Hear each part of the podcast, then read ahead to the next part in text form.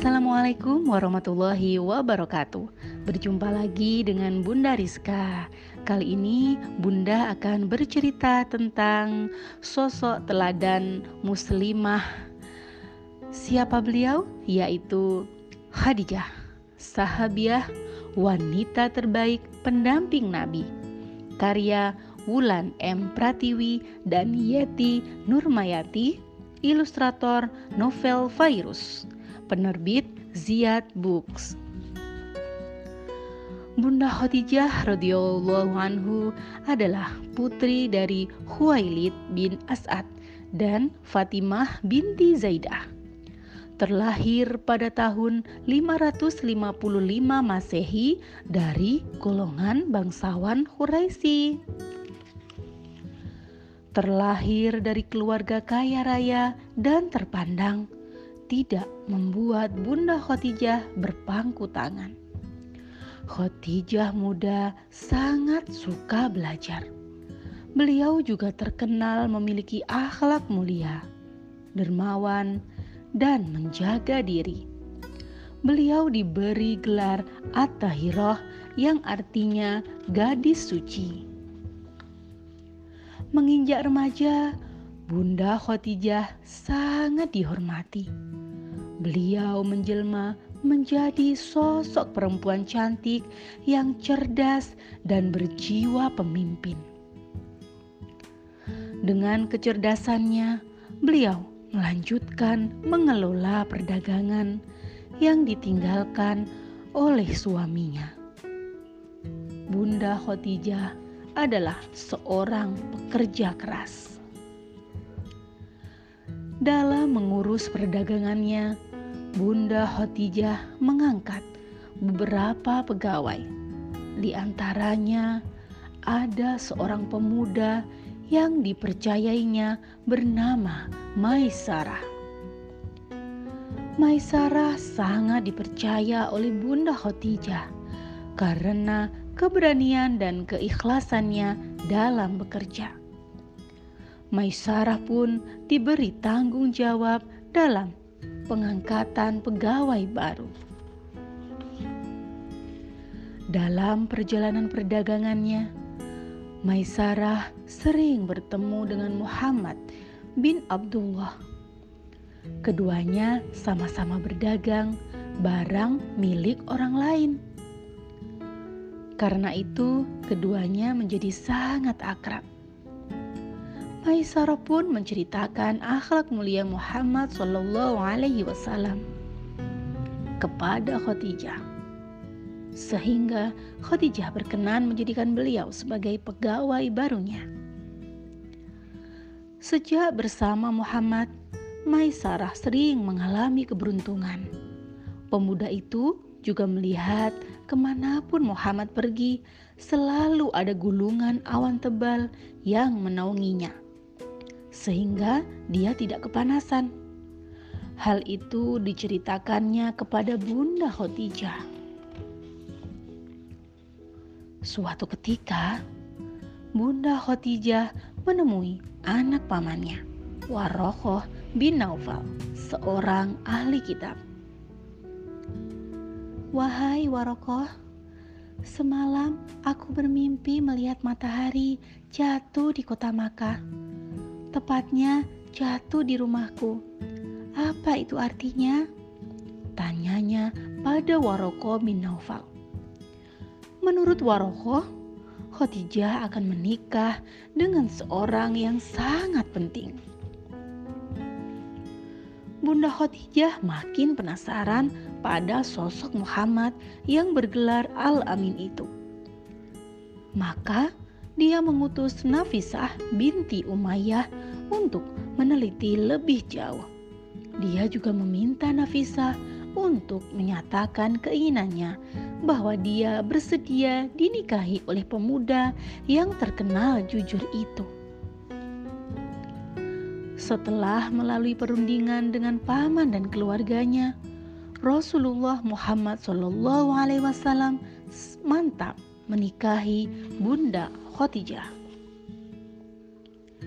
Bunda Khotijah menikah dengan Rasulullah Sallallahu Alaihi Wasallam. Usia beliau saat itu masih 25 tahun. Walau usianya terpaut jauh, tetapi tak menjadikan halangan bagi keduanya untuk menikah. Keluarga besar mereka merestui pernikahan keduanya. Walaupun Khadijah jauh lebih tua dan Muhammad saat itu bukanlah pemuda yang kaya raya. Rasulullah dan Bunda Khadijah menjalani rumah tangga dengan sangat bahagia. Mereka saling membantu, mendukung, dan saling menjaga saat suka maupun duka. Bunda Khadijah merasa sangat bahagia dan tenang karena suaminya memiliki akhlak yang mulia.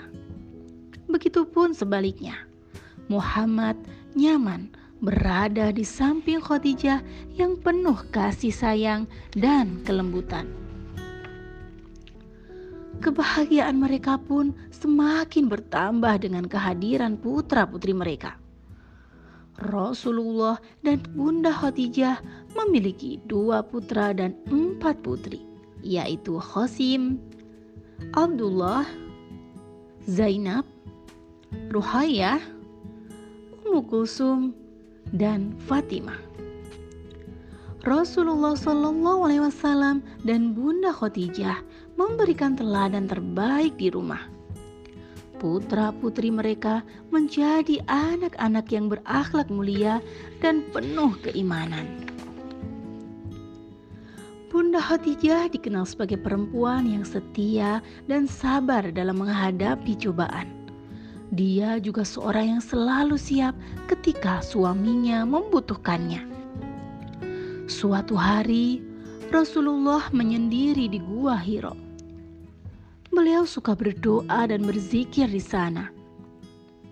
Bunda Khadijah selalu membawakan makanan, minuman, dan keperluan lainnya untuk beliau. Suatu hari, Rasulullah Shallallahu Alaihi Wasallam pulang dalam keadaan menggigil.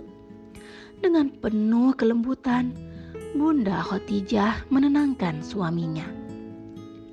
Beliau menyelimuti dan mendekap Rasulullah hingga agak tenang. Ada apa gerangan suamiku? Tanyanya. Rasulullah Shallallahu Alaihi Wasallam menceritakan bahwa dirinya didatangi sosok putih dan berkata, "Ikro, ikro, ikro."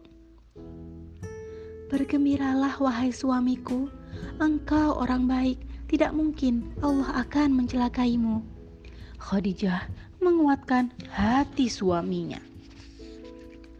Saat Nabi Muhammad mulai berdakwah secara sembunyi-sembunyi, Khadijah adalah orang pertama yang menyatakan dirinya memeluk Islam. Dia pun terus menyemangati Rasulullah Wasallam agar terus berdakwah di jalan Allah. Meskipun tak mudah, Bunda Khadijah selalu berusaha menguatkan hati suaminya.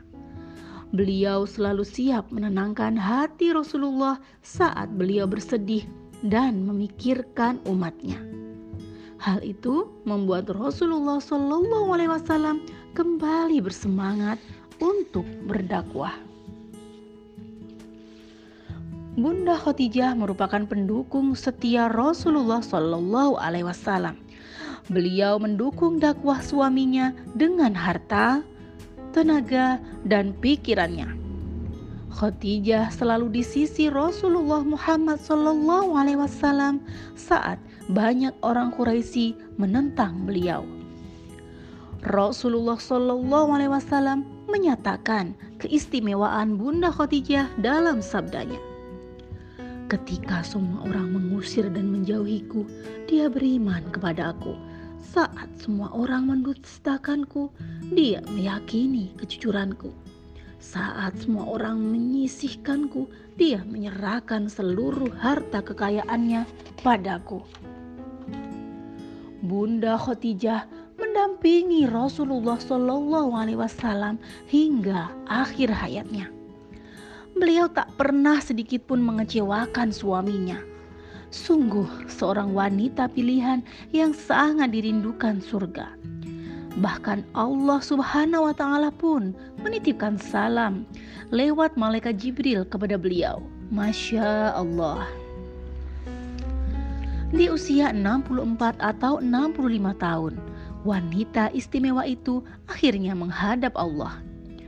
Rasulullah Shallallahu Alaihi Wasallam sangat sedih karenanya. Tahun itu menjadi Amul Husni atau tahun kesedihan bagi Rasulullah Shallallahu Alaihi Wasallam. Dua orang terkasih meninggal dunia, Bunda Khadijah dan Abu Talib pamannya. Apa pesan hikmah dari cerita ini? Yaitu Bunda Khadijah terlahir dalam keluarga yang kaya raya dan terpandang. Tapi beliau tidak suka foya-foya. Beliau justru suka bersedekah dan hidup sederhana. Bunda Khadijah bahkan menyerahkan seluruh hartanya untuk kepentingan dakwah Islam. Sungguh, beliau adalah seorang wanita tangguh dan cerdas yang dipilih Allah untuk mendampingi Rasulullah Shallallahu Alaihi Wasallam berjuang di jalan Allah. Semoga kita dapat meladani sifat yang luar biasa itu. Amin ya Robbal 'Alamin. Terima kasih sudah menyimak. Wassalamualaikum warahmatullahi wabarakatuh.